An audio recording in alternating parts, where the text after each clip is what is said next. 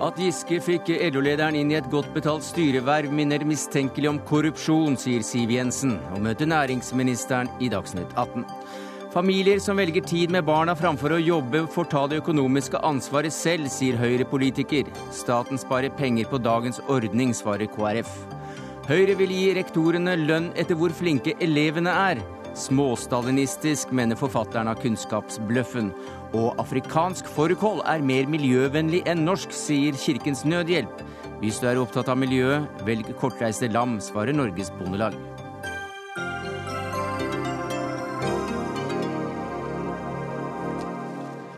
Det er noen av sakene i Dagsnytt 18 denne mandagen. I det orkanen Sandy nærmer seg østkysten av USA etter å ha forårsaket 67 dødsfall i Karibien. Eh, Terje Alsvik Valle, du er statsmeteorolog, og det er fortsatt uklart når og hvor orkanen nøyaktig vil treffe. Hva er siste nytt? Den ligger jo rett utenfor kysten, og det er ikke langt igjen, så det er ikke mange timer igjen nå før den faktisk eh, når land. Så i løpet av eh, sen kveld, tidlig natt norsk tid, mm -hmm. så vil jo da sentrum av lavtrykket bevege seg inn og passere kysten inn i landet. Hvor da? Rett på sørsiden av New York, antagelig høyde med ja, Philadelphia. Så litt på sørsiden av New York treffer senteret. Så, så, New York ligger på nordsiden av selve lavtrykkssenteret, mens Washington ligger på sørsiden av selve lavtrykkssenteret, antageligvis. Hva betyr det for vindstyrkene? Så det betyr jo at det er jo ikke akkurat i sentrum at det blåser mest, men det er på siden av lavtrykket at det blåser mest. Så, så, så det, er god, det er ikke noe eh, god nyhet at eh, sentrum ikke passerer over, eh, over New York? Egentlig ikke. Altså Når man ligger på nordsiden av senteret, så får man da vind på den siden av lavtrykket. Det er jo sånt hjul kan man tenke seg, som går mot klokken. Så at det på nordsiden av lavtrykket så blåser det da inn fra havet inn mot New York. Så derfor så presser vannet inn mot kysten der. mens på sørsiden av lavtrykket lenger sørover så er det da mer fralandsvind som det blåser, ikke så, ikke så høyt vann på sørsiden av lavtrykket. Mm. På nordsiden av lavtrykket at den høyeste vannstanden vil treffe. Nå blir altså New York beskrevet nærmest som en spøkelsesby. Folk holder seg stort sett uh, inne. Nær 400 000 mennesker er blitt bedt om å komme seg unna. Men du er fremdeles på, på ditt uh, hotell uh, på østsiden av Manhattan, Knut Storberget. Hvordan står det til der du er? Vi har det jo bra. Men det er som dere sier, altså New York eh, er jo en by nå som eh, er stengt ned. Det er ikke noe T-bane. Skolen har jo vært eh, avblåst i dag. For oss som skulle jobbe i FN, så ble det en ekstra fridag. Butikkene holder mange stengt nå. De er tømt, mange av dem. Og det er også sånn at vi ser at det er betydelig mindre trafikk og mindre folk i gatene. Jeg var ute ved East River nå for en halvtime siden. og det var ikke mye folk, og vi så jo at uh, også vannstanden økte har i løpet av de siste timene økt betydelig. Og det blåser? Ja, vi kjenner at det begynner å blåse innover også her på Manhattan. Selv om det er uh, høye bygninger som, som, tar for noe, så kjenner vi at det begynner å ta tak. Og dette uh, Orkanopplegget skal jo også møte en kaldfront, som også meteorologen er inne på, så gjør jo sitt til at der denne, denne orkanen nå kommer til å, å, gå inn, gjør sitt til at uh, New York kommer nok til å merke dette betydelig. Mm. Ja, hva gjør denne kaldfronten, altså dette møtet med, med selve stormen eller orkanen? Altså nå Vanligvis disse tropiske stormene vil jo ofte dø veldig fort ut når de nærmer seg kysten pga. at eh, sjøen blir kjøligere, for de tropiske systemene liksom får energien sin fra det varme havvannet. Men den får litt ekstra energi fordi den nå da kommer innover for å treffe en kald front, en kald luft som beveger seg ut mot kysten, som gjør at den får litt sånn økende styrke akkurat når den treffer kysten. Så den er nok sterkest akkurat idet den treffer kysten og rett etterpå. Eh, så den får litt ekstra styrke på denne kaldfronten som beveger seg eh, østover gjennom USA også. Hva slags vindhastigheter kan det bli snakk om? Vi snakker om eh, orkan. Det er snakk om altså over 30 meter per sekund. Så det er jo en veldig kraftig vind. Kilometer i timen? Da må jeg ta ikke i hodet akkurat nå, men det er jo ganske mye mer i kilometer i timen. Det er det. Så vi er vant, vi er vant til å operere med meter per sekund i, i, Norge, så man får ta en rask hoderegning her, så er det for ganske mye mer. Men det er, altså for øyeblikket så er det kuling i New York, så det er ikke storm mm. foreløpig. Og den, den kraftigste vinden ville gå litt utfor kysten og ikke helt innover land. Men eh, en eh, liten storm i hvert fall innover New York by vil jeg tro det blir i løpet av nattetimene. Eh, hva slags forhåndsregler er dere blitt bedt om å, ta? Du er jo, som du sa, i New York som, som FN-observatør for Stortinget. Det vi har fått beskjed om, er jo for det første å holde oss innendørs. Og så er det det budskapet som har gått ut til alle newyorkere om at man må ha tilstrekkelig med vann og mat for noen dager. Lommelykt og batterier. For det er jo risiko for at noe strøm kan eh, falle ut. Eh, og så følger jeg rådet til ordfører Blomberg i New York om at eh, man får sette seg ned med en god bok. Mm. Terje Alsvik Valle, du, du nevnte at en liten storm ja. Her, jeg trodde vi snakket om en, eh, en monsterorkan. Eh, det blir jo ikke mon Franken-orkan, blir kalt.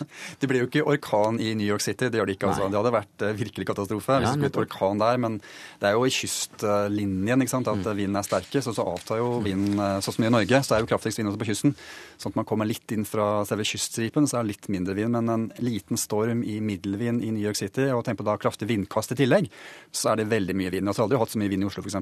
Bare for å si det. Okay. Hilde Restad, du er USA-kjenner, førsteamanuensis ved Bjørknes uh, høgskole. Vi så Obama rett før sending her uh, si at, uh, at to millioner mennesker vil bli rammet i første omgang. Hva kan det bety sånn for, for det som nå skjer videre utover, altså valgkamper, avlysninger etc.?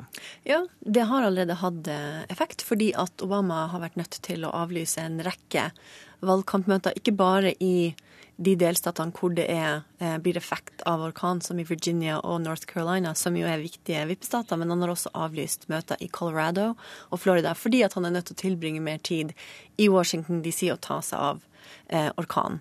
Eh, I tillegg så har det også hatt en effekt på Romney-kampanjen. For de har trukket en del sånne litt harde negative TV-reklamer i de delstatene som kan bli affektert av orkan. De har også slutta å be om penger fra mennesker som bor, velgere som bor i de delstatene. Så man, man endrer tonen og strategien i denne siste veldig -hmm. viktige uka. Ja, Det er altså da flere enn to millioner, bare så det er sagt. Men hva slags, hva slags effekt kan dette få? Altså, Hva er det som taler for at dette kan hjelpe Obama, f.eks.? Eh, vi kan ta det først. Det er jo det er veldig usikkert, det er mange faktorer som spiller inn. Men en av de tingene eh, som kunne da hjelpe Obama, er jo at han eh, får lov til å slutte å være kandidat og gå tilbake til å være president og opptre som en trygg faktor i en usikker tid, som da kan ha en positiv innvirkning på hvordan velgerne ser på mm. han. Han kan rett og slett få litt bedre job approval i den siste uka når folk skal gå og stemme. Hvis han står, framstår som med troverdighet og gjør den jobben godt? ja, merke. og det gjør han nok helt sikkert. Man har jo lært veldig mye fra mm. uh, Katrina i 2005. På den andre siden så uh, er det jo også sånn at um, hvis Romney gjør en god figur, så kan selvfølgelig også han Eh, tjener på det her. Og det er jo også sånn at Obama kommer til å måtte redusere eh, sin personlige valgkampvirksomhet litt nå eh, i de neste dagene. Det trenger jo ikke Romney å gjøre. Så sånn sett så vil jo da Romney få litt flere muligheter til å møte opp litt flere plasser enn det Obama får i de neste dagene. Også dra til Florida, f.eks., som er en vippestat. Ja, Florida, og han skal eh, Romney skulle egentlig ha vært en god del i Virginia, som er en vippestat, men har flytta all aktiviteten sin til Ohio, mm -hmm. som er en veldig viktig vippestat, hvor ja. Obama har leda. Så vi får se da om det betyr at uh, Romney klarer å ta inn på Obama der. En annen ting er jo det her med eh, forhåndsstemming. Det er ganske viktig. Maryland f.eks. har avlyst forhåndsstemming i dag. Eh, det har jo vært ansett at Demokratiske partiet tjener på forhåndsstemming. Så hvis forhåndsstemming blir kansellert nå i to dager, så kan det også ha en negativ effekt for Obama. Men jeg ser at eh, det er flere som spekulerer på om, om ikke akkurat det at jernbaner og, T-baner særlig, og busser også, at, at trafikken står her nå. Eh, og dermed så vil det påvirke de folkene som er fattigst. Og det er eh, demokratiske ja. velgere. Ja, og derfor også det her med forhåndsstemming. Eh, det er gjerne eh, folk som har det litt vanskelig for å, for å, få stemt på valgdagen. Det er gjerne folk som er litt fattige. Kanskje har de flere jobber.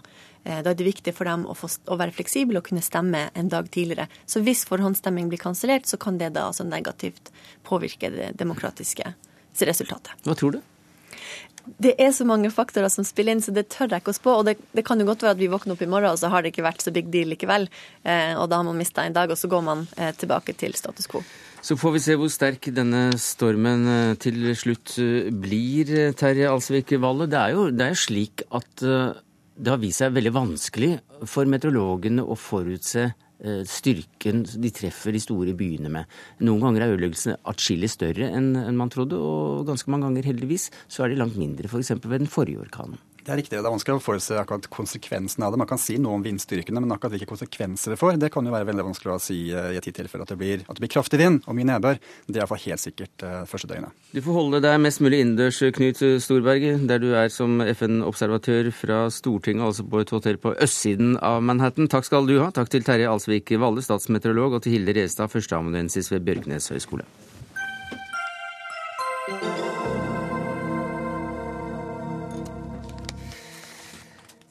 Så til eh, det noen mener er en politisk eh, storm, mens andre mener det er en eh, flau valgkampbris. For Roar Flåten får nær 200 000 kroner som fast varamedlem i styret i Kongsberg Gruppen i året. Det skal være Arbeiderpartistatsråden Trond Giske som spilte inn hans navn. Flåten er sjef for LO, som gir Arbeiderpartiet 5 millioner kroner i støtte i året. Akkurat den kombinasjonen fikk Frp-lederen til å trekke følgende slutning på landsstyremøtet i helgen. Arbeiderpartiet konstruerer altså et personlig styreverv med 195 000 kroner i lønn til den samme personen som signerer årlig en sjekk på 5 millioner kroner til Arbeiderpartiet. Jeg sier at det minner mistenkelig om bestikkelser og korrupsjon. Minner mistenkelig om bestikkelser og korrupsjon, næringsminister Trond Giske? Ja, Det er ikke grenser for eh, på hvilken måte denne valgkampen skal vinnes, skjønner jeg. Nå er det jo ikke noe nytt. Eh, Carl I. Hagen anmeldte jo Jens Stoltenberg for nettopp korrupsjon, eh, jeg tror det var i 2001. Siv Jensen sa at det var korrupsjon i fjor, hun har sagt det i 2009. Så dette er den årlige utskjellinga av samarbeidet mellom LO og Arbeiderpartiet. Men det kan ikke være sånn at det er yrkesforbud for folk med bakgrunn i fagbevegelsen i ulike styrer og verv i eh, norsk næringsliv eh, fordi man har et samarbeid med Arbeiderpartiet eh, på andre fronter. Er det slik at dette bare er en del av den årlige utskillingen, Siv Jensen? Jeg syns faktisk næringsministeren bør ta dette langt mer alvorlig enn å forsøke å bagatellisere det sånn som han nå gjør. Nå gjør. Dette handler jo ikke om yrkesforbud for fagbevegelsen. Det er snarere tvert imot mange veldig flinke folk der som helt opplagt fortjener å representere i ulike styrer. Men dette handler om de tette sammenkoblingene mellom Arbeiderpartiet og LO. Og det handler ikke minst om, særlig når det gjelder dette vervet i Kongsberg Gruppen, at man altså har konstruert et, et, en styreplass som egentlig ikke fantes. Man har altså tvunget frem en konstruksjon om et hva som var kalt det møtende vara, med et honorar på 200 000. Og så sa jo Giske selv at eh, han mente det var rimelig at de som møtte på alle styremøter, fikk det samme honoraret som alle andre. Poenget er jo at Roar Flåten ikke møter. Eh, og da blir det enda rarere. Selv om Flåten er aldri så kvalifisert, så er det hans tette bindinger til Arbeiderpartiet. Han sitter i Arbeiderpartiets sentralstyre, han skriver ut en sjekk på fem millioner kroner i året. Trond Giske bør vite bedre. Dette mm. lukter det vondt av. Ja, jeg bare gjentar. altså Dette å angripe samarbeidet mellom LO og Arbeiderpartiet, det har eh, Frp drevet med siden eh, Anders Langes parti ble stifta i 1973, så det er altså ikke noe nytt. Men jeg er faktisk eh, stolt over at eh, Norges største organisasjon for vanlige arbeidstakere eh, ser det som sin interesse at Arbeiderpartiet styrer Norge. Og så får Frp ta imot milliongaver fra Kristen Sveaas og Øystein Stray Spetalen og andre.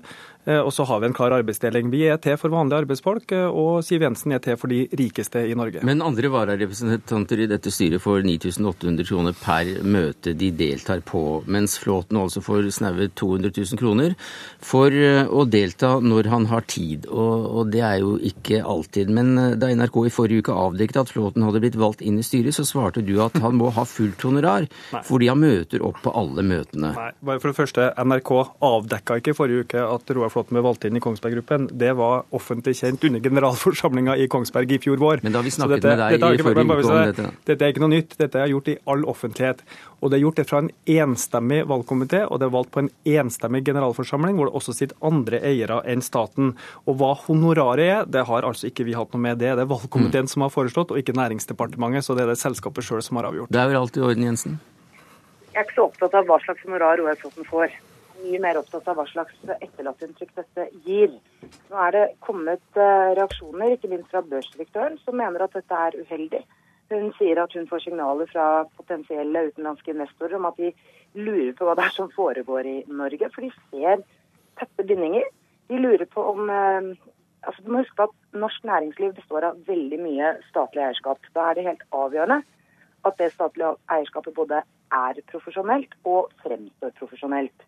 Når det blir stilt spørsmål ved profesjonaliteten, når man begynner å få tvil om det, når det befestes et inntrykk av at det er ting som ikke tåler dagslys, at det er kameraderi, vennetjenester og pengegaver, da lukter det vondt av det. Og jeg syns faktisk at Trond Giske han er en oppegående mann.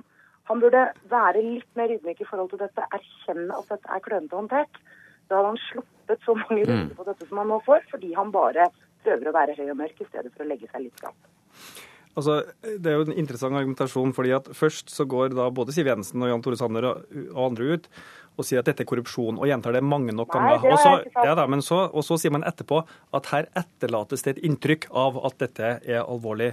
Altså Det er helt sikkert ting som eh, vi ikke har gjort bra nok også i Næringsdepartementet, og sikkert også jeg. Men akkurat dette med Roar Flåten i Kongsberg-styret er en helt fair politisk uenighet. Ansgar Gabrielsen i Høyre kasta Roar Flåten ut av Kongsberg-styret, hvor han hadde sittet i en årrekke, og hvor han har nærmest vokst opp eh, i industrien og med stor samfunnsmessig erfaring. Og vi setter den inn igjen. Det er en helt fair uenighet. Eh, Da Høyre styrte, satte de inn langt mer eh, si, politiske utnevninger. Jeg har oppnevnt eh, Børge Brenne som leder i Mesta. Jeg har oppnevnt eh, Else Bugge Fogner som styreleder i Norsk eh, Eksportkreditt. Jeg har oppnevnt Elbjørg Løver fra Venstre som nestleder i Nammo. Jeg tror vi har en ganske god balanse, og ganske få politikere i det hele tatt. eh, Og basert på dyktighet og erfaring, ikke på noe annet. Men det kan ikke være en diskvalifikasjon eh, å ha politisk bakgrunn. Den dagen Siv Jensen eh, gir seg politikken, så vil hun også helt sikkert ha en erfaringsbakgrunn og en innsikt som gjør henne kvalifisert til å bidra i ulike styrer. Men det som kobles det, et, et øyeblikk kan man nesten bare gjenta det at det er koblingen mellom de at Arbeiderpartiet får fem millioner kroner av den organisasjonen som da en som dere setter inn i et styre, eller spiller inn at det kommer inn i et styre og får et styreverv på 200 000. Akkurat den koblingen der som for så vidt er litt Jo. eh, delikat. Ja da, men hvorfor gir LO penger til Arbeiderpartiets valgkamp, eller bidrar til Arbeiderpartiets valgkamp? Det er jo fordi at de tror at vi gjennomfører en politikk som tjener deres medlemsmasse vanlige arbeidstakere. Men det kan jo ikke føre til at folk som har lang erfaring i fagbevegelsen, ikke kan sitte i styrer i, i statlige selskaper. Bare for å si det til slutt. Hvis, hvis det er en konsekvens av dette at, at Siv Jensen har fått omsorg for det statlige eierskapet, så har i hvert fall noe positivt kommet ut. fordi at vanligvis når vi diskuterer statlig eierskap i Statoil, Telenor, Hydro osv., så, videre, så er jo Frp først og fremst for å nedbygge det statlige eierskapet. Nå prøver jo Trond Giske å tåkelegge dette. Punkt 1. Fremskrittspartiet er ikke eh, konsekvent mot statlig eierskap. Vi prøver å legge til rette for at det er profesjonelt, at det er en armlengdes avstand mellom politikk og næringsliv. Da er det ekstremt viktig at utnevnelsene skjer profesjonelt. Men jeg må nesten avbryte deg der, eh, Siv Jensen, for vi, vi må videre. Men du fikk i hvert fall eh, reist akkurat eh, den kritikken som du reiste på landsstyremøtet. Og det jeg lurer på, det er om ikke Siv Jensen har ganske rett når hun sier at dette kunne du jo behandlet på en helt annen måte. Du kunne f.eks. ha sagt eh, hvordan, hvilken rolle du spilte da Ketil Fjæringen ble valgt inn i styret til, til Entra, og gjort det helt åpent istedenfor å si at eh, ja, at ikke forholde deg helt til det. Ja, nå vet jeg ikke hvorfor han kommer opp i bildet her, for det er heller ikke noen Altså Bare for å si det, eh, så må jeg får bare gjenta i hver eneste debatt jeg har. Jeg har Det er vel gjennomsiktigheten jeg har som ja, også, si først, også blir etterlyst Vi har 26 selskaper under Næringsdepartementets eh, portefølje. Det finnes ikke én nær venn av meg i det, Mm. et eneste selskap, bare så det er sagt. Men så Jeg vil på men bare- deg enn på Nei. grunn av deg, kanskje. Partifeller finnes det, men det finnes jo jammen meg folk som ikke er partifeller også eh, i disse styrene, men ingen nære venner. Eh, måten dette skjer på, er jo veldig ofte at det er en forberedende valgkomité som diskuterer veldig mange navn. De må få jobbe i fred, eh, også i fortrolighet. Derfor vil ikke du si hvordan man spiller inn navn. Nei, Hvis det blir slik at særlig de navnene som diskuteres og ikke kommer inn i styrene, blir offentlige, da tror jeg eh, rekrutteringsgrunnlaget vårt blir veldig tynt. Det skjer ikke i private selskaper, Det det kommer ikke til å skje en som har sittet ved siden av deg og vært helt stille, og det er deg, Leif Frode Onarheim. Tidligere NHO-sjef og tidligere stortingsrepresentant for Høyre, blant veldig, veldig mye annet. Eh, Hva tenker du om denne saken, altså at rød-grønne eh, regjering plasserer Flåten i en av sine egne statlige styrer? Jeg hisser meg ikke så veldig opp over det. Roar Flåten er dyktig, og jeg har sittet ved siden av ham i Invasjon Norge i et styre en gang, og sånn, så det er jeg ikke noe i tvil om. Men det jeg er veldig overrasket over, at eh, Trond Giske, som er en så erfaren politiker, ikke er, er mer forsiktig. For det er jo klart at uansett om man sitter i politikken eller i privat næringsvirksomhet, så skal man ikke koble for mye de som man kjenner godt. Og, og, og, og, så sier statsråden at bare, han bare leverer det inn. Men det er klart, men hvis jeg leverte inn et sånt forslag, så ville ingen ta hensyn til det. Men når statsråden gjør det, så blir det noe annet, og det må man ikke glemme. Derfor syns jeg han har vært uklok, fordi det har vært for mange saker på én gang som gjør at man får et litt galt bilde. Men, det, men jeg har ikke noe politisk agenda på dette. Jeg, jeg, jeg, jeg sa jeg skulle eventuelt komme hit for å diskutere også en annen sak, Ja, som er mer sånn Ja. næringslivsorientert enn dette. Men kan bare få en kort kommentar til, til det før vi går over på at du vil gjerne bli kvitt eh, styregrossistene. Ja, vi, nei, altså vi skal også være tydelige på når vi er inhabile og når vi er habile. For det er, ikke, det, er ikke, en forbrytelse å være inhabil, men du må håndtere det på riktig måte. Ja.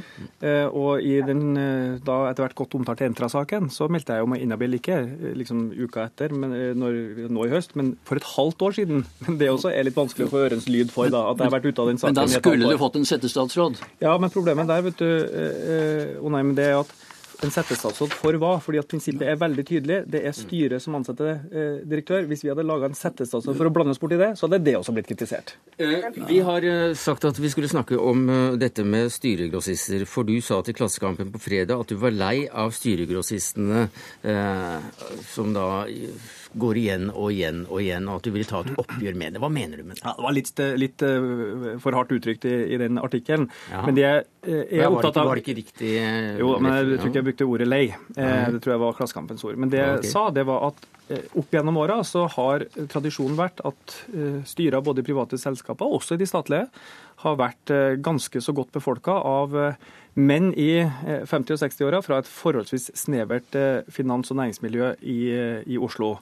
Eh, og for all del, det er svært dyktige mennesker som bidrar mye i disse styrene, men jeg tror eh, selskapene kjenner på, samfunnet kjenner på, å vie dette ut. Det er en forbedring at vi nå får kvinner inn i styrene, det er en forbedring at vi får hele landet med i disse styrene, og det er en forbedring at vi får folk med ulik bakgrunn, samfunnsmessig, juridisk, økonomisk, industrielt, som ser det med ulike perspektiver. Blant annet, bare for å ta det, så tror jeg den diskusjonen om lederlønnsgaloppen blir sunnere i styrene. Ryggmargsrefleksen blir sterkere når du får den mm. bredere rekrutteringa inn. Det sier du til henne? Ja, altså Det med styregrossister er jo riktig at det er mange som går inn i disse styrene. Det, det er jeg enig med statsråden i det. På den annen side så er det jo valgt ut fra spesielle kompetansekrav. Og jeg er enig også med statsråden. Det, å ha fått kvinner inn tror jeg har vært veldig bra. Det har fått en litt annet perspektiv i styrene. Men det som du har bomma fullstendig på, det er jo som å holde dette Du snakker så flott om disse lønnsreguleringene, og dette skal du ta knekken på og sånn, og så har du ikke fått til noen ting. Og det syns jeg er dårlig, og det kunne jeg faktisk ha hjulpet deg med. Jeg er nok kjent å være Søknad om en styreplass? Nei, jeg er for gammel. Men, men, jeg har jo blitt betraktet som utrolig knølen i mange av disse stedene.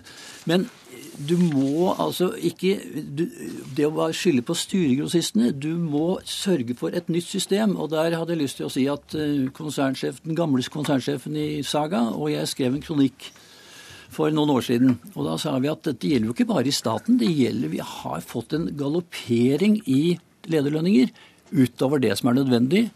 Og da sa vi at kanskje skulle man gjøre det slik at styret måtte på forhånd legge frem for generalforsamlingen hvilket skal man si, hvilket nivå ledelsen burde ligge på, med et visst spillerom, mm. naturligvis. Så heller det enn å gi styregrossistene sparken, for de har ikke skylden her? Jo, men fordi det, hele, hele, poenget vil da være at man hadde kommet med det. Generalforsamlingen sa at jo, det høres ut til å være bra, mm. eventuelt litt ned, litt opp. Og så, hvis de allikevel måtte fravike, komme tilbake til generalforsamlingen og forklare hvorfor. Her har du en oppskrift på hvordan man kan ordne opp i dette. Ja, vi har gjort litt av det. Vi har jo eh, eh laga regler om at styret må legge fram sine lederlønnsprinsipper for generalforsamlinga. Og vi har forbudt opsjoner. Eh, vi har satt grenser for bonus, vi har satt grenser for pensjon, og vi har satt grenser for disse store fallskjermene til maks ett års etterlønn. Så du må være enig i at vi har satt noen konkrete terskler for uh, dette. Mm. Men, Men, det har jo vært 30-40% lønnsøkning, da? Ja, og det er det, det selve lønnsnivået. Uh, og der må jeg bare si at altså, styregrossister eller ikke, men det er klart at hvis det blir for mange styremedlemmer som sjøl har lønn på 5, 6, 7, 8 millioner, som har bonuser, som mm. har Eh, eh, svære fallskjermer, så blir, det, så blir, man litt tallblind. Og så plutselig så sitter man der og gir en toppleder en halv million i lønnsøkning, altså like mye som en vanlig arbeidstaker kan drømme om å tjene. Eh, og så reagerer man ikke sjøl. Ser ikke de tallene, og det er det vi må få inn. Ja, Men du hørte oppskriften her. Ja, altså, Det er jo etter uh, aksjeloven styret som har ansvaret for å ansette uh, en direktør. Og, og, det er det fortsatt det i det systemet? Ja. Ja, men, ja, det er godt mulig at vi skal se på muligheter for å gi generalforsamlinga enda større makt og innflytelse. Men... For, Du må ikke bare snakke om det, ikke sant? Nei. fordi folk blir jo ganske frustrert over dette når de bare hører stadig at det ikke funker. Men du er enig i at den viktigste, den, den riktige og viktige maktarenaen for en eier, det er generalforsamlinga og valg av styre? Det er helt enig. Så det, det er det avgjørende å få inn folk i styret styrelederne som både driver selskapet godt og tar de samfunnsmessige vurderingene som men, eier er opptatt av. Men, men, det er jo klart at disse selskapene så er jo generalforsamling ganske viktig. Og der har du en arena. Ikke, mm. uten, ikke disse her å kaste inn styremedlemmer og sånn underveis og sånn, men sørge for at det er ryddig og ordentlig. I generalforsamling så blir det mm. lagt noen rammer, og de skal man holde seg innenfor. Og dermed så har du fått oppskriften, og dermed så har Dagsnytt 18 vært på å løse hele ja, dette problemet for høye lønninger. Ja, takk skal du ha, Trond Giske, næringsminister i Arbeiderpartiet, Leif Frode Onarheim, tidligere NHO-sjef og mye annet, Siv Jensen, partileder i Frp. Det er da en, eh, et spørsmål om eh, hvordan man skal se dette her, også ut ifra en redaktør, økonomisk redaktørs synsvinkel. Og det er da eh, deg som, som sitter og er sjef for E24. Når du hører disse samtalene rundt disse problemene, hvilke tanker gjør det deg? Nei, Jeg syns Trond Giske er ganske flink til, å, til å, å, gå rundt det som er sakens kjerne. Det er jo at nå i, i sak etter sak så har Trond Giske vært direkte eller indirekte involvert i forsøk eller, direkte, eller vellykkede eh, eh, ansettelser av venner og partifeller i, i stillinger og verv. Det skapes et sterkt inntrykk av at Giske er en politiker som gjør vennetjenester. Mm. Men jeg vet ikke om jeg nevnte at du heter Per Valbrok, ja, men så har det i hvert fall sagt. Vi ja. minner mistenkelig om korrupsjon, sier Frp. Er det så drøyt? Ja, Det er jo sterke ord, men hun er jo inne på noe. Altså, Vi ville jo, hvis vi hørte om en lignende sak eh, i et annet land, eh, kalt dette korrupsjon. Vi ville jo det, men så er det fordi vi kjenner systemet så godt at vi, at vi ikke gjør det, eller at vi kvier oss for å gjøre det. Men vi har jo da en fagforeningsleder som eh, sørger for at denne regjeringen får et betydelig økonomisk beløp hvert år. Som får et verv i norsk næringsliv selv om selskapet ikke trenger ham i dette vervet. De sier at vi, vi trenger ingen vararepresentant nå. Regjeringen sier jo, det gjør dere. Og så får da denne fagforeningslederen eh, dette vervet i Kongsberg Gruppen, mm. eh, og, og, det til en eh, økonomisk særordning. Altså en langt mer lønnsom kompensasjon enn det andre vararepresentanter har. Men det er ikke regjeringen som har bestemt, det er altså selskapet selv som har avgjort akkurat den lønna. Sånn at der går vel også regjeringen klar? Ja, men det er jo spesielt at Næringsdepartementet da presser på for at Roar Flåten skal få dette vervet. Mm. Roar Flåten er invitert flere dager på rad, så å si. Akkurat nå befinner han seg på Filippinene, og har også da ifølge eh, VG, som har snakket med LO i dag, ikke hatt tid til å være på alle disse eh, styremøtene, som altså eh, var en forutsetning ifølge ministeren, at han skulle få dette honoraret, så vidt han kunne se det. Men hvor går da grensen mellom å utøve aktivt eierskap, som jo også betyr å finne, spille inn styremedlemmer, og misbruke sin makt i politisk ærend? Det er vanskelig å sette en veldig klar grense her. Det, eh... For alle partier benytter seg jo av den muligheten, nemlig å plassere sine egne. Det er jo en del av politikken å være i posisjon. Ja, det gjør alle partier. Alle partier har gjort dette i, i varierende grad. Så har Arbeiderpartiet vært mer vellykket, også fordi de har vunnet flere valg. Mm. Eh, men det spesielle her er jo eh, at Trond Giske ser ut til å kjenne veldig mange av de menneskene som eh, får eller nesten får verv. Man har kjenner mange, da? Ja, Han kjenner mange, men det gjør det jo desto mer problematisk når eh, departementet hans eh, spiller inn navn til, eh, til lukrative verv. Senest spilte han jo inn en av sine nærmeste venner som styreleder i Telenor, unnskyld, styremedlem i Telenor. Han ble funnet inkompetent av hodejegeren som vurderte styremedlemmer. Takk skal du ha, Per Valbrok, redaktør i E24.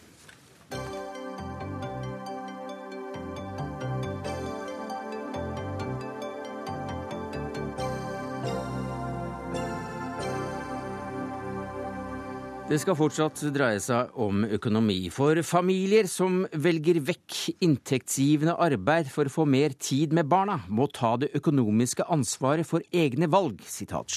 For det skrev altså du i Dagens Næringsliv på lørdag. Men hva mener du da med dette, blogger Vampus, også kjent som Høyre-politikeren Heidi Nordby Lunde? Ja, altså Høyre øh, vil jo styrke barnefamiliens valgfrihet gjennom bl.a. til permisjon, der hvor vi ønsker å gi mor og far selvstendig opptjeningsrett. Uh, og så kan de fordele fordele permisjonen mellom seg. Og Det tror vi gjør at far, eller i hvert fall at du har et økonomisk insentiv for at far eh, vil være hjemme med barna.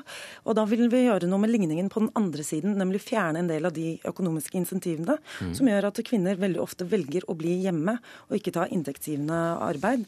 Bl.a. kontantstøtten, det er, eh, det er eh, skatteklasse 2 og omsorgspensjon. Alle de tre tingene? Alle de tre tingene. Vil du fjerne? Alle de tre tingene Jo, fordi at alle tre er ordninger på ulikt vis som gir insentiver for at kvinner blir værende hjemme. Og da mener vi at det er med på å styrke likestillingsprofilen i Høyres nye program. Ved å fjerne det. Ved å fjerne det. Hva sier du til det, stortingsrepresentant for KrF Kjell Ingolf Ropstad? Si at jeg ble overraska da jeg leste bloggen til, til Vampus eller til Heidi. Det, jeg satt med en sånn følelse at egentlig så var dette en, en rød-grønn overformynder som satt og skrev og tenkte at dette, jeg vet best hva som er best for alle familier, og derfor så ønsker jeg innrette ordninga så at alle velger sånn som jeg ønsker. Og Det er helt motsatt av det KrF tenker. for vi tenker at Utgangspunktet må jo være at vi skaper best mulig valgfrihet for familiene, med den tilliten til at familiene velger best. Og så er det nok en gang sånn at det er flere kvinner som velger å være hjemme når familien ønsker å vente litt med sende den ti måneder gamle sønnen eller dattera i barnehagen, eh, som er kanskje et naturlig ønske for en del eh, småbarnsforeldre. Eh, og da at det er en del flere kvinner som velger det, må, være, må vi bare akseptere, tenker jeg. Så å fjerne disse ordningene vil ikke øke kvinnenes valgfrihet, slik Nei, og det interessante er jo når man peker på pensjonsrettighetene, som KrF kjempa gjennom i pensjonsforliket, med at når du er hjemme med egne barn, mm. så skal du ha rett til 4,5 G, eller en pensjonspoeng tilsvarende 4,5 G. Og det er en, det er en raus rettighet, ja, men det er samtidig òg, hvis du tenker et likestillingspolitisk perspektiv, mm. så er det jo bra for de kvinnene som har valgt å være hjemme, nettopp, eller menn for den saks skyld, at de òg får mm. pensjonsgivende inntekt for den jobben de har gjort hjemme. Altså Når KrF snakker om valgfrihet for familien, så går det ofte på bekostning av kvinners rett eller mulighet til å være økonomisk eh, uavhengig. Og Det er selvfølgelig både familien og kvinnens eh, rett til å velge å være hjemme, men jeg syns ikke at staten skal være den som gir insentiver til å, å bli hjemme. Tvert imot så snakker vi mer og mer om at det skal lønne seg å stå i arbeid. Og da mener jeg at da skal insentivene faktisk være på det. Og grunnen til at vi har subsidiert barnehageplassene, er jo nettopp for å få kvinner ut i arbeid. Og da kontantstøtten ble, ble innført, så var det 60% av barna som hadde uh, tilgang på barnehageplass. Mm. Nå er det tallet 90 uh, 12-14 år senere. Men allikevel så jobber ikke kvinner mer. Mm. Og det betyr at vi har noen insentiver der ute som virker mot sin hensikt. nettopp dersom vi De har det for godt hjemme. Ja, ellers betyr jo det at det, altså når du økt fra 60% til 90 barnehageplasser, så, så kan, og allikevel så jobber ikke kvinner mer, så kan det jo bety faktisk at kvinner ønsker å være litt hjemme. Og Det er jo det som er litt sånn irriterende som politiker, at av og til så velger familier eller individer annerledes enn det vi ønsker. Og Derfor så trodde jeg at iallfall Høyre og Vampus skulle ha den tilliten til deg, at faktisk så må en akseptere at en velger annerledes enn det en sjøl ønsker hadde vært fornuftig, og dermed innstille hele ordninga på at ja, valgfriheten har de ikke, dere vet best for vår egen familie, og hvis de ikke velger annerledes enn meg, så aksepterer jeg jo det. Ønsker du deg et nytt folk? Nei, jeg ønsker meg ikke et nytt folk, og jeg har stor tillit til at familien klarer å ordne opp dette selv. Det er nettopp derfor Høyre bl.a. ønsker at de skal få lov til å fortjene, eh, fordele permisjon mellom seg. Men når vi da har den tiltroen til familien, så syns jeg også vi kan ha tiltro til at familien eh, kan ta det økonomiske ansvaret for å velge at en av dem ikke er i arbeid. Men hvis du tar f.eks. kontantstøtta, da, som i dag er blitt på 5000. Uh, og hvis du bare tenker en gjennom, uh, 25 000 i inntekt hvis du er i arbeid, 5000 dersom du er hjemme med kontantstøtte. Det er jo en økonomisk belastning. Og hvis du samtidig tenker at en barnehageplass subsidieres med en 150 000-200 000 per år, så betyr det jo at du allerede i dag subsidierer mye mer til de som eh, velger barnehageplass, enn de som ønsker å være hjemme. Det er en økonomisk belastning i dag å velge å være hjemme, og at du skal straffe deg enda mer for at de ønsker å bruke litt mer tid med ettåringen enn det eh, kanskje du ønsker at de skal gjøre, så, så, så blir overraskende med veldig at det kommer fra Høyre. Dette, eh, altså Barnehageplassene er helt riktig subsidiert mer fordi at man har et selvstendig mål om at vi ønsker flere kvinner i arbeid. Når flere kvinner kommer i arbeid, så betaler de også med den subsidien, fordi at det går mm. tilbake igjen som skattepenger. Og det er litt dårlig gjort at de barnefamiliene der begge må jobbe, skal subsidiere de som velger at én skal være hjemme. Men, men, det er jo da en økonomisk belastning, stor økonomisk belastning, å skulle ta vare på, på de små litt lenger enn en det som er normert. Det, eh, og det betyr jo da at du skal være ganske velstående da, for å juble over dette forslaget til Høyre? Det, det trenger det ikke være, men jeg mener jo at valgfrihet i seg selv betyr ikke rett til å leve på andre menneskers skattepenger. Mm. Og det er jo det disse forslagene også går med på, nemlig det å øke likestillingsprofilen. Og hvis du øker insentiv for at menn er mer hjemme med barna sine, samtidig du tar vekk de økonomiske insentivene for at kvinner blir værende hjemme og er økonomisk uavhengige, eller er økonomisk avhengig av en mann. Det syns jeg er merkelig at vi i 2012 i det hele tatt skal diskutere. Jeg sa at Høyre ville dette, men det, det vet vi jo ikke om de vil. For partiet ditt eh, er midt i en programprosess hvor det kan være aktuelt å endre på f.eks. kontantstøtteordningen. Eh, hva tror du utfallet av denne prosessen blir? Det skal jo avgjøres nå om ikke så lenge. Jeg tror at fordelingen av permisjon og at menn skal også få lov til å tjene opp rettigheter, den kommer til å stå. og Da mm. øker vi valgfriheten på den mm. siden. Og så håper jeg at Høyre, som nå går så sterkt inn for at det skal lønne lønne seg å arbeide, også faller ned på det, også når det gjelder familiens og familiens valgmuligheter. Takk skal du ha, Heidi, Heidi Nordby Lunde, blogger og Høyre-politiker. Kjell Ingolf Ropstad, stortingsrepresentant for KrF.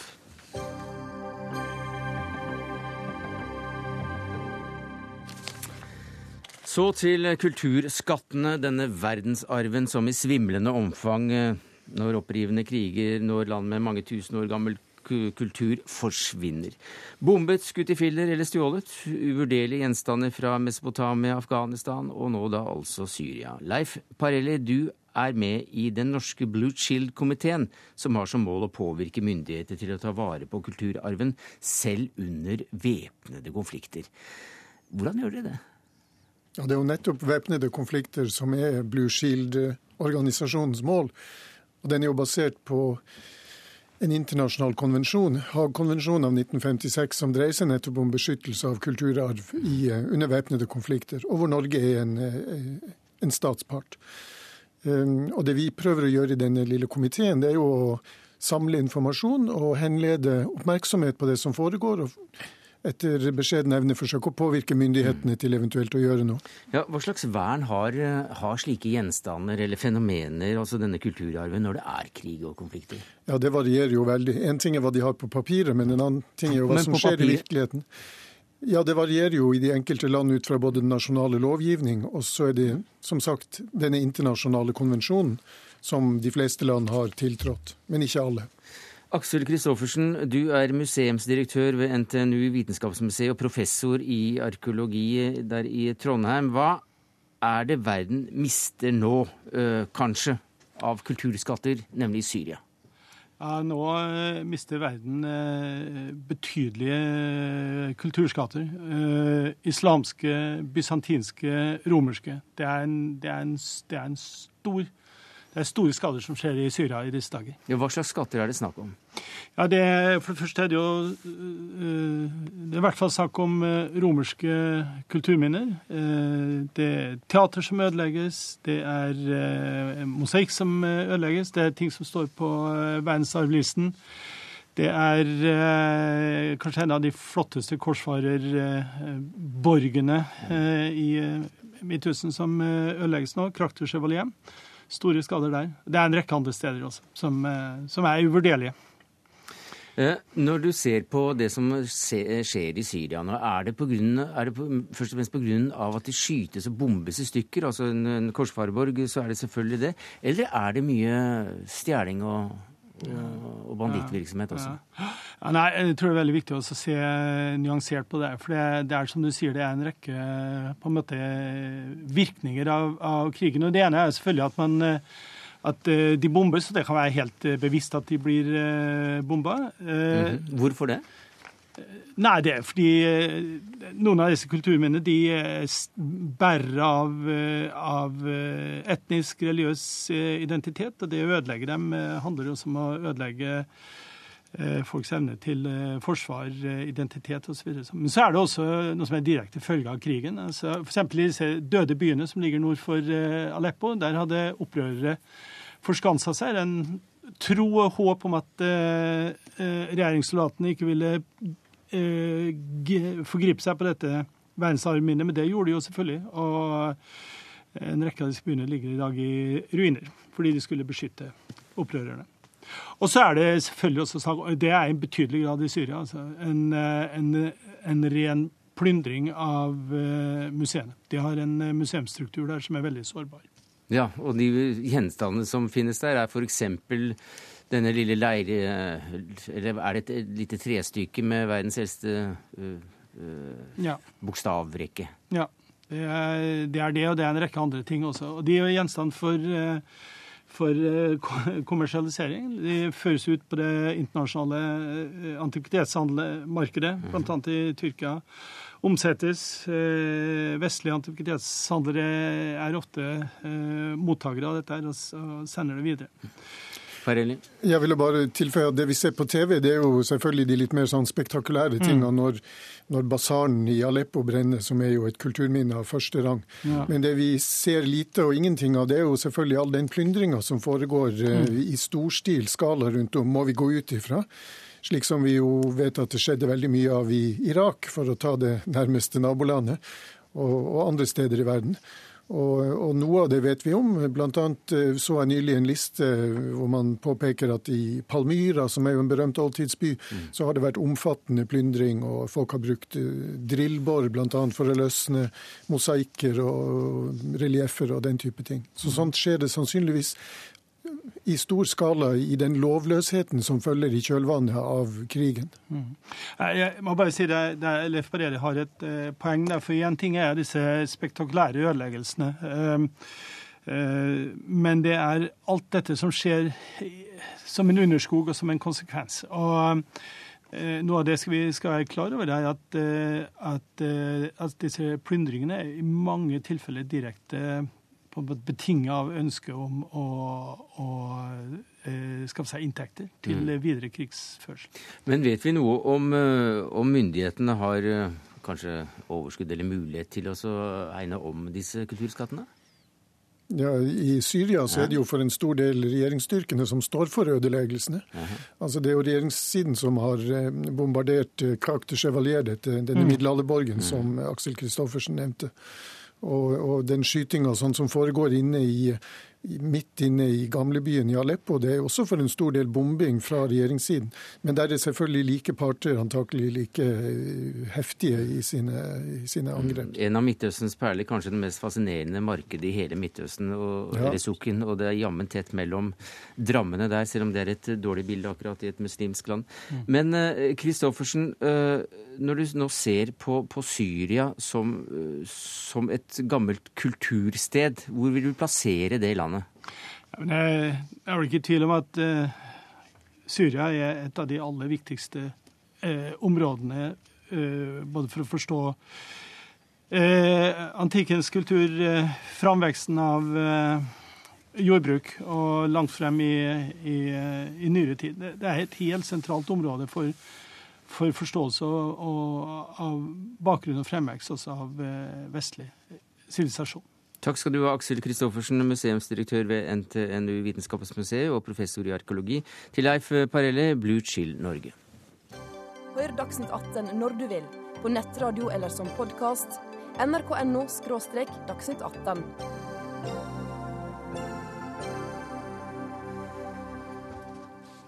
Så til eh, svarte får og hvite lam fra Afrika. Om det gjør seg bedre i møte med norsk eh, grønnkål på middagsbordene her hjemme enn barna til Blåmann Blåmann boken min. Kirkens Nødhjelp slår nemlig et slag for slik import, og det med miljøbegrunnelser også. Seksjonsleder i Kirkens Nødhjelp, Sindre Stranden Tollefsen. Hvordan er det mulig at importert fårekjøtt fra Afrika er miljømessig gunstigere enn å kjøpe norsk lam? Jeg vil bare si aller først at Grunnen til at vi engasjerer oss i akkurat denne saken, er at vi ser at vekst i landbruket i Afrika er fire ganger mer effektivt enn alt annet for å redusere eh, ekstrem fattigdom. Så det er sånn motivasjon. bare sånn at vi har sagt det. Når det gjelder disse regnestykkene eh, våre, så har det nok over veldig lang tid vært et eh, veldig sterkt fokus på eh, selve transportsiden av dette med, med handel med, med, matvarer. Mens det i for liten grad har vært fokus på dette med eh, selve produksjonssiden av det. Og Vi vet jo f.eks. at 80% av utslippene ifølge en norsk ekspertgruppe det kommer fra selve produksjonsleddet. Og Produksjonsleddet betyr i denne det betyr sammenheng? Der matvaren faktisk produseres. ikke sant? Og da vet vi samtidig at mellom 20 og 30 av verdens klimagassutslipp foregår i rike eh, land. Men jeg kan godt bruke noen konkrete eksempler. Mm.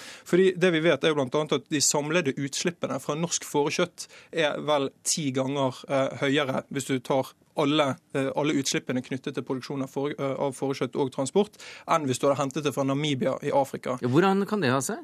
Nei, Problemet er jo nettopp at vi for på norsk side bruker eh, for en god del kraftfôr.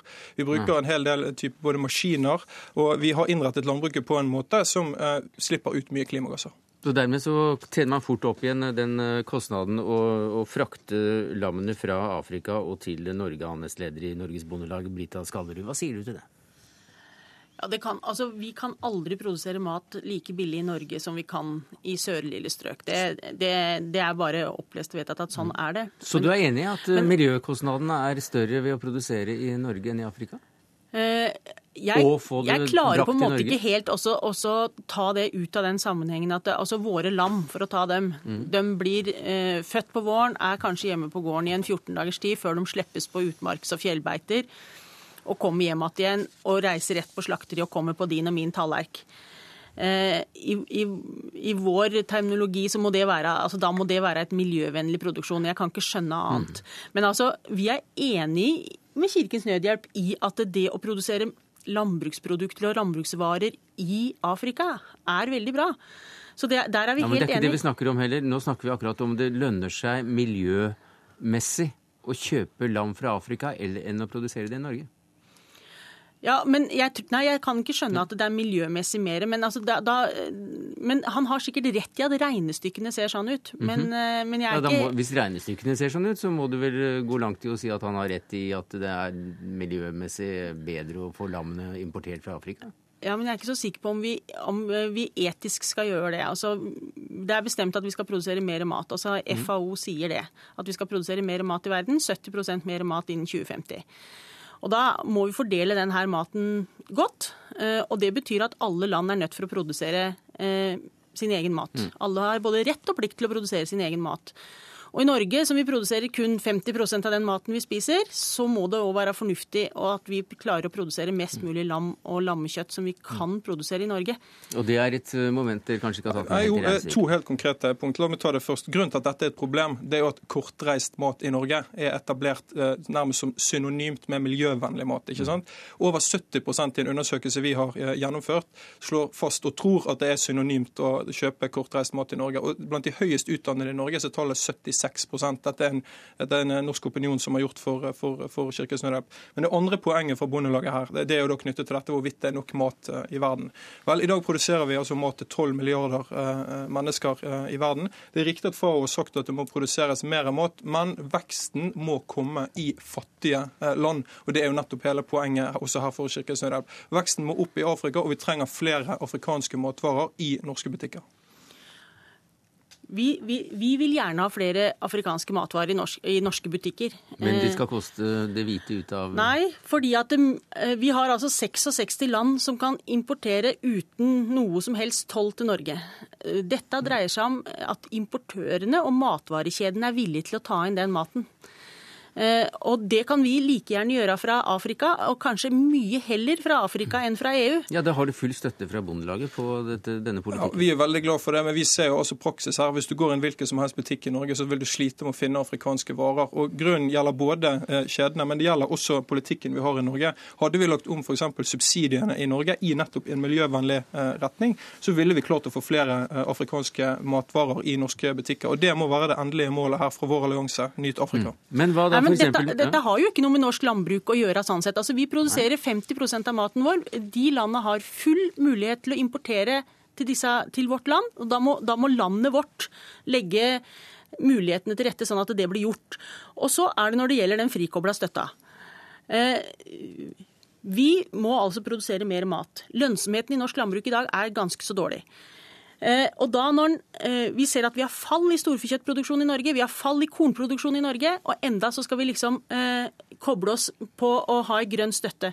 Hvis vi skal klare å produsere mer norsk mat, mm. som regjeringa sier, så må det faktisk lønne seg å være bonde. Altså, du må tjene penger på det du gjør, ellers så produserer du ikke noe som helst. Og hvis du kan tjene akkurat det samme på å få en sjekk i posten uten å levere fra deg et eneste produkt, så har ikke vi tro på at det er framtida for norsk landbruk. Da blir det ikke noe mer mat, og det blir, og, og, og det blir heller ikke noe mm. norske kulturlandskap osv. Vi har snakket en del om, om fårekjøtt, lammekjøtt, men dere trekker også fram tomaten som et annet eksempel. Ja, Tomater som dyrkes i eh, Marokko slipper ut eh, altså bare en åttendedel av det det eh, koster å produsere en, en, en tomat i Norge. Det er altså åtte ganger høyere klimagassutslipp på å produsere det i Norge enn å importere de samme tomatene altså fra Marokko. Og Det er jo et ganske gjentalende eksempel for at vi både miljømessig og utviklingsmessig bør importere flere matvarer fra eh, Afrika. Sånn kan vi klare å skape mm. den veksten vi trenger og bekjempe den fattigdommen vi trenger i Afrika. Hvilken plass har de norske bondene i, eh, i hjertet til eh, Kirkens Nødhjelp? Vi har jo hele tiden invitert til en dialog, og vi har vært i møter med Bondelaget om dette. Vi ønsker en regning mot en dekoblet, altså en grønn, miljøvennlig støtte i Norge. Men det gjelder jo ikke bare, og det er viktig å si. Dette må tas av den norske regjeringen i det internasjonale forhandlingene. For Det er jo ikke bare Norge som skal legge om her. Hele den vestlige rike delen av verden må legge om til en grønn og miljøvennlig støtte. Men eh, dermed er i hvert fall eh, denne debatten eh, kommet i gang. Takk skal du ha, Sindre Strand Tollefsen, seksjonsleder i Kirkens Nødhjelp. Takk til deg, Brita Skallerud, annen nestleder i Norges Bondelag.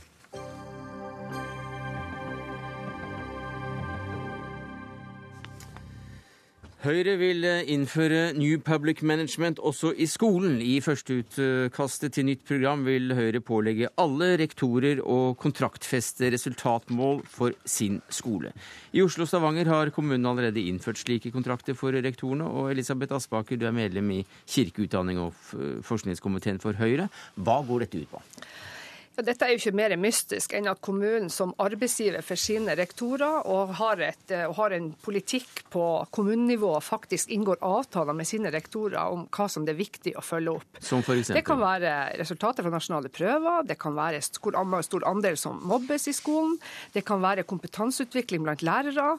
Eh, I Oslo er det f.eks. hvor mange som deltar på aktivitetsskolen, hvor mange som deltar på Den kulturelle skolesekken osv. Så, videre. så dette er jo en måte å sikre på at Eh, skolen og skoleledelsen er hands on. Og forskninga har jo da veldig tydelig eh, tilbakemeldinger på at god skoleledelse er viktig mm. for å utvikle norsk skole. Allikevel så kaller du dette eh, i Klassekampen for småstalinistisk, Magnus Marsdal. Du er styreleder i Manifest Analyse. Det er jo knytta til Høyres forslag om å tvinge alle kommuner til å gjøre det på den handelshøyskoleinspirerte måten.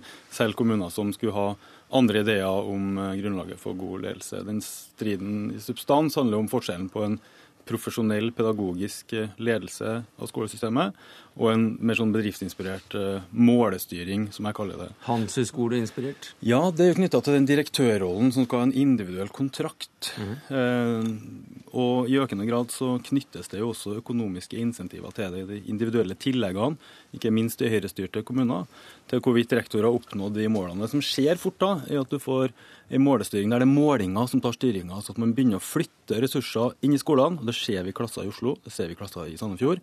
Vekk fra der ressursene skulle ha vært, f.eks. unger med spesialundervisning og lovfesta rett til det, bort til der som måleinstrumentet står, altså de ungene som skal ta testen f.eks. på nasjonale prøver. Og jeg tror at den eh, måten å vri insentivene på, som, som følger med den målstyringa, eh, er farlig fordi vi ønsker ikke en skole der de voksne er motivert av mer og mindre egoistiske mål knytta til mm. sin kontrakt og sin individuelle belønning. Altså, jeg kjenner meg overhodet ikke igjen i den måten Marsdal nå beskriver det som er ute på høring i Høyres programforslag. Altså, dette er ikke mer mystisk enn at skoleeierne, på basis bl.a. av en sånn årlig tilstandsrapport som kommunestyrene diskuterer, og hvor man da bestemmer seg for å peke på det som er utfordringer i sin, i sin skole. Og det er jo også et, det er jo også et verktøy for, for å allokere ressurser. Altså, dette er jo ikke snakk om personlige belønningssystemer. Dette er å ha ambisjoner på elevene sine vegne og se til at skolene er opptatt av at de skal, at de skal bringe fremgang til elevene sine. Ja, men Jeg møter jo årlig tusenvis av skolefolk i Norge, og jeg vet at de er ikke drevet av noe jag etter eh, belønning, og de er heller ikke motivert eh, på en måte at det må stå i deres individuelle kontrakt for at de skal følge den politikken som heter at de mål som er satt eh, for elevene. Og Hvis de skal motiveres av noe annet enn den indre motivasjonen som de ønsker elevene skal ha, og som lærere må ha for å ha fokus på det enkelte barnet, det som er bra på lang sikt, mm. og i stedet for å motivere seg det som er bra for sin skole på kort sikt, Nei, altså, nei, nei, resultat... Jo, men så, Nei, altså, sånn er det. Er helt på, og dessuten så motsier det sjøl. Du sier liksom hva de er drevet av. Altså, dette handler jo om å utvikle en skole i Norge hvor at elevene skal ha trygghet for enten du starter på skolen i, i, i Groruddalen, eller Ja, du starter men- på skolen i Oslo vest, eller du starter på skolen i, Bo, i Båtsfjord, eller du starter på skolen i, på Smøla, så skal vi på en måte ha et system hvor det er viktig at kommunen som skoleeier har et forhold til sine ledere ute Ja, på det, hver det sa enkelt det. skole. Det. men, men du prøver prøver å snakke deg vekk fra at det er insentiver Nei. i det systemet. Er det ikke individuelle tillegg til rektorer i Oslo? Jo, det er det. Er det, Altså, det- også knytta til resultatmålelse? Ja, det er det. Og vi vet fra England, vi vet fra USA, og vi ser fra skolene i Oslo og Sandefjord, som Høyre styrer i dag, at ressursene i skolen dreies vekk fra der de skulle ha vært, til der måleinstrumentet står. Nei, vet du hva, Manus Marsdal, altså, du tar helt feil. Ja, hvorfor altså, nekter ser du på det? Har du vært i de klassene? Hvis man ser på hvordan Oslo kommune bl.a. styrer sin skole, så vil man se at det er en systematisk styring i retning av at man ser at skoler som sliter, altså enten det er dårlige, lave leseferdigheter, eller at det er andre ting man sliter på, så allokerer man ressurser dit. Og Det er jo det som er hensikten med det her. Det hensikten er jo å ha full oppmerksomhet på de viktigste tingene. ikke sant? Greier elevene å lære seg å lese? Aspaker, altså- Greier man å tilegne seg grunnleggende ferdigheter? Har man et tilbud på en måte som fanger elevene, enten det er på leksehjelp eller videre? Men pedagogene i Oslo jobber ikke i dine festtaler. De jobber i konkrete skoler der de forteller meg at de har lagt vekk visse fag fra uh, timeplanen i månedsvis. Og det her er dine, eller Høyre i Oslo sine varslere, så det må du høre på. At de har fjerna undervisning i det som ikke testes. Altså det blir mindre Nei, du, Magnus skriving Marsdal, hvis det dag, ikke I dag har jeg møtt Astrid Roe, som er en av Jo, forskerne som lager, den, og som lager lesetesten. Altså, Men og som sier at det er, det er faktisk ikke- Hva er det altså, som jeg hører, gjør jeg hører, å på? Altså, jeg hører på forskeren som lager leseprøven, og det hun sier, det er ikke mulig å trene til den leseprøven på noen annen måte enn at det er viktig å lese. Og det å greie å finne frem i, det å greie å tolke, det å greie å reflektere over tekst, enten det er en musikktekst, eller om det er relatert til naturfag, eller relatert til norsk. Og det er på en måte det skolen handler om. Det handler om å altså- ta i jeg- bruk jeg vet i grunnleggende hvert ferdigheter på jeg- måten. Elisabeth. Aspaker, jeg vet veldig godt som foreldre at jeg vil ikke sende ungen min til en skole der de voksne er motivert av individuelle tillegg, av resultat-lederkontrakter. Og jeg vil ikke at den skolen skal styres av politikere som ikke hører på lærerne, som ikke Ja, vil men- lytte men den vil til dem som heller er de profesjonelle utøverne i et ha. Og jeg tror at eh, dere er nødt til å åpne ørene for de erfaringene som de folkene som står i klasserommet hver eneste dag, faktisk har. De prøver å rope varsko om at den bedriftsinspirerte måten dere vil omforme norsk skole på, har noen bivirkninger som dere ikke har tenkt på, og de bivirkningene rammer til sjuende og sist Aspaker, elevene. det, nå er det få sekunder igjen, så Ja, jeg må bare stille, det, stille, var- stille deg et kort Ja, spørsmål. ja. Eh, når er det dette blir avgjort, om Høyre går inn for det eller ikke? Nei, altså Utviklingsavtaler mellom skoleeier og rektorer kommer vi til å Den få i norsk skole, og Ja. det kommer landsmøtet i Høyre til å vedta. Takk skal du ha, Elisabeth Aspaker, medlem i kirke-, utdanning og forskningskomiteen for Høyre, til Magnus Marsdal, styreleder i Manifest Analyse og forfatter av boka Kunnskapsbløffen. Det var det vi rakk i Dagsnytt 18. Takket være ansvarlig for det hele, Siri Storstein Hytten. Det tekniske ansvaret hadde Per Ivar Nordahl. Jeg heter Sverre Tom Radøy.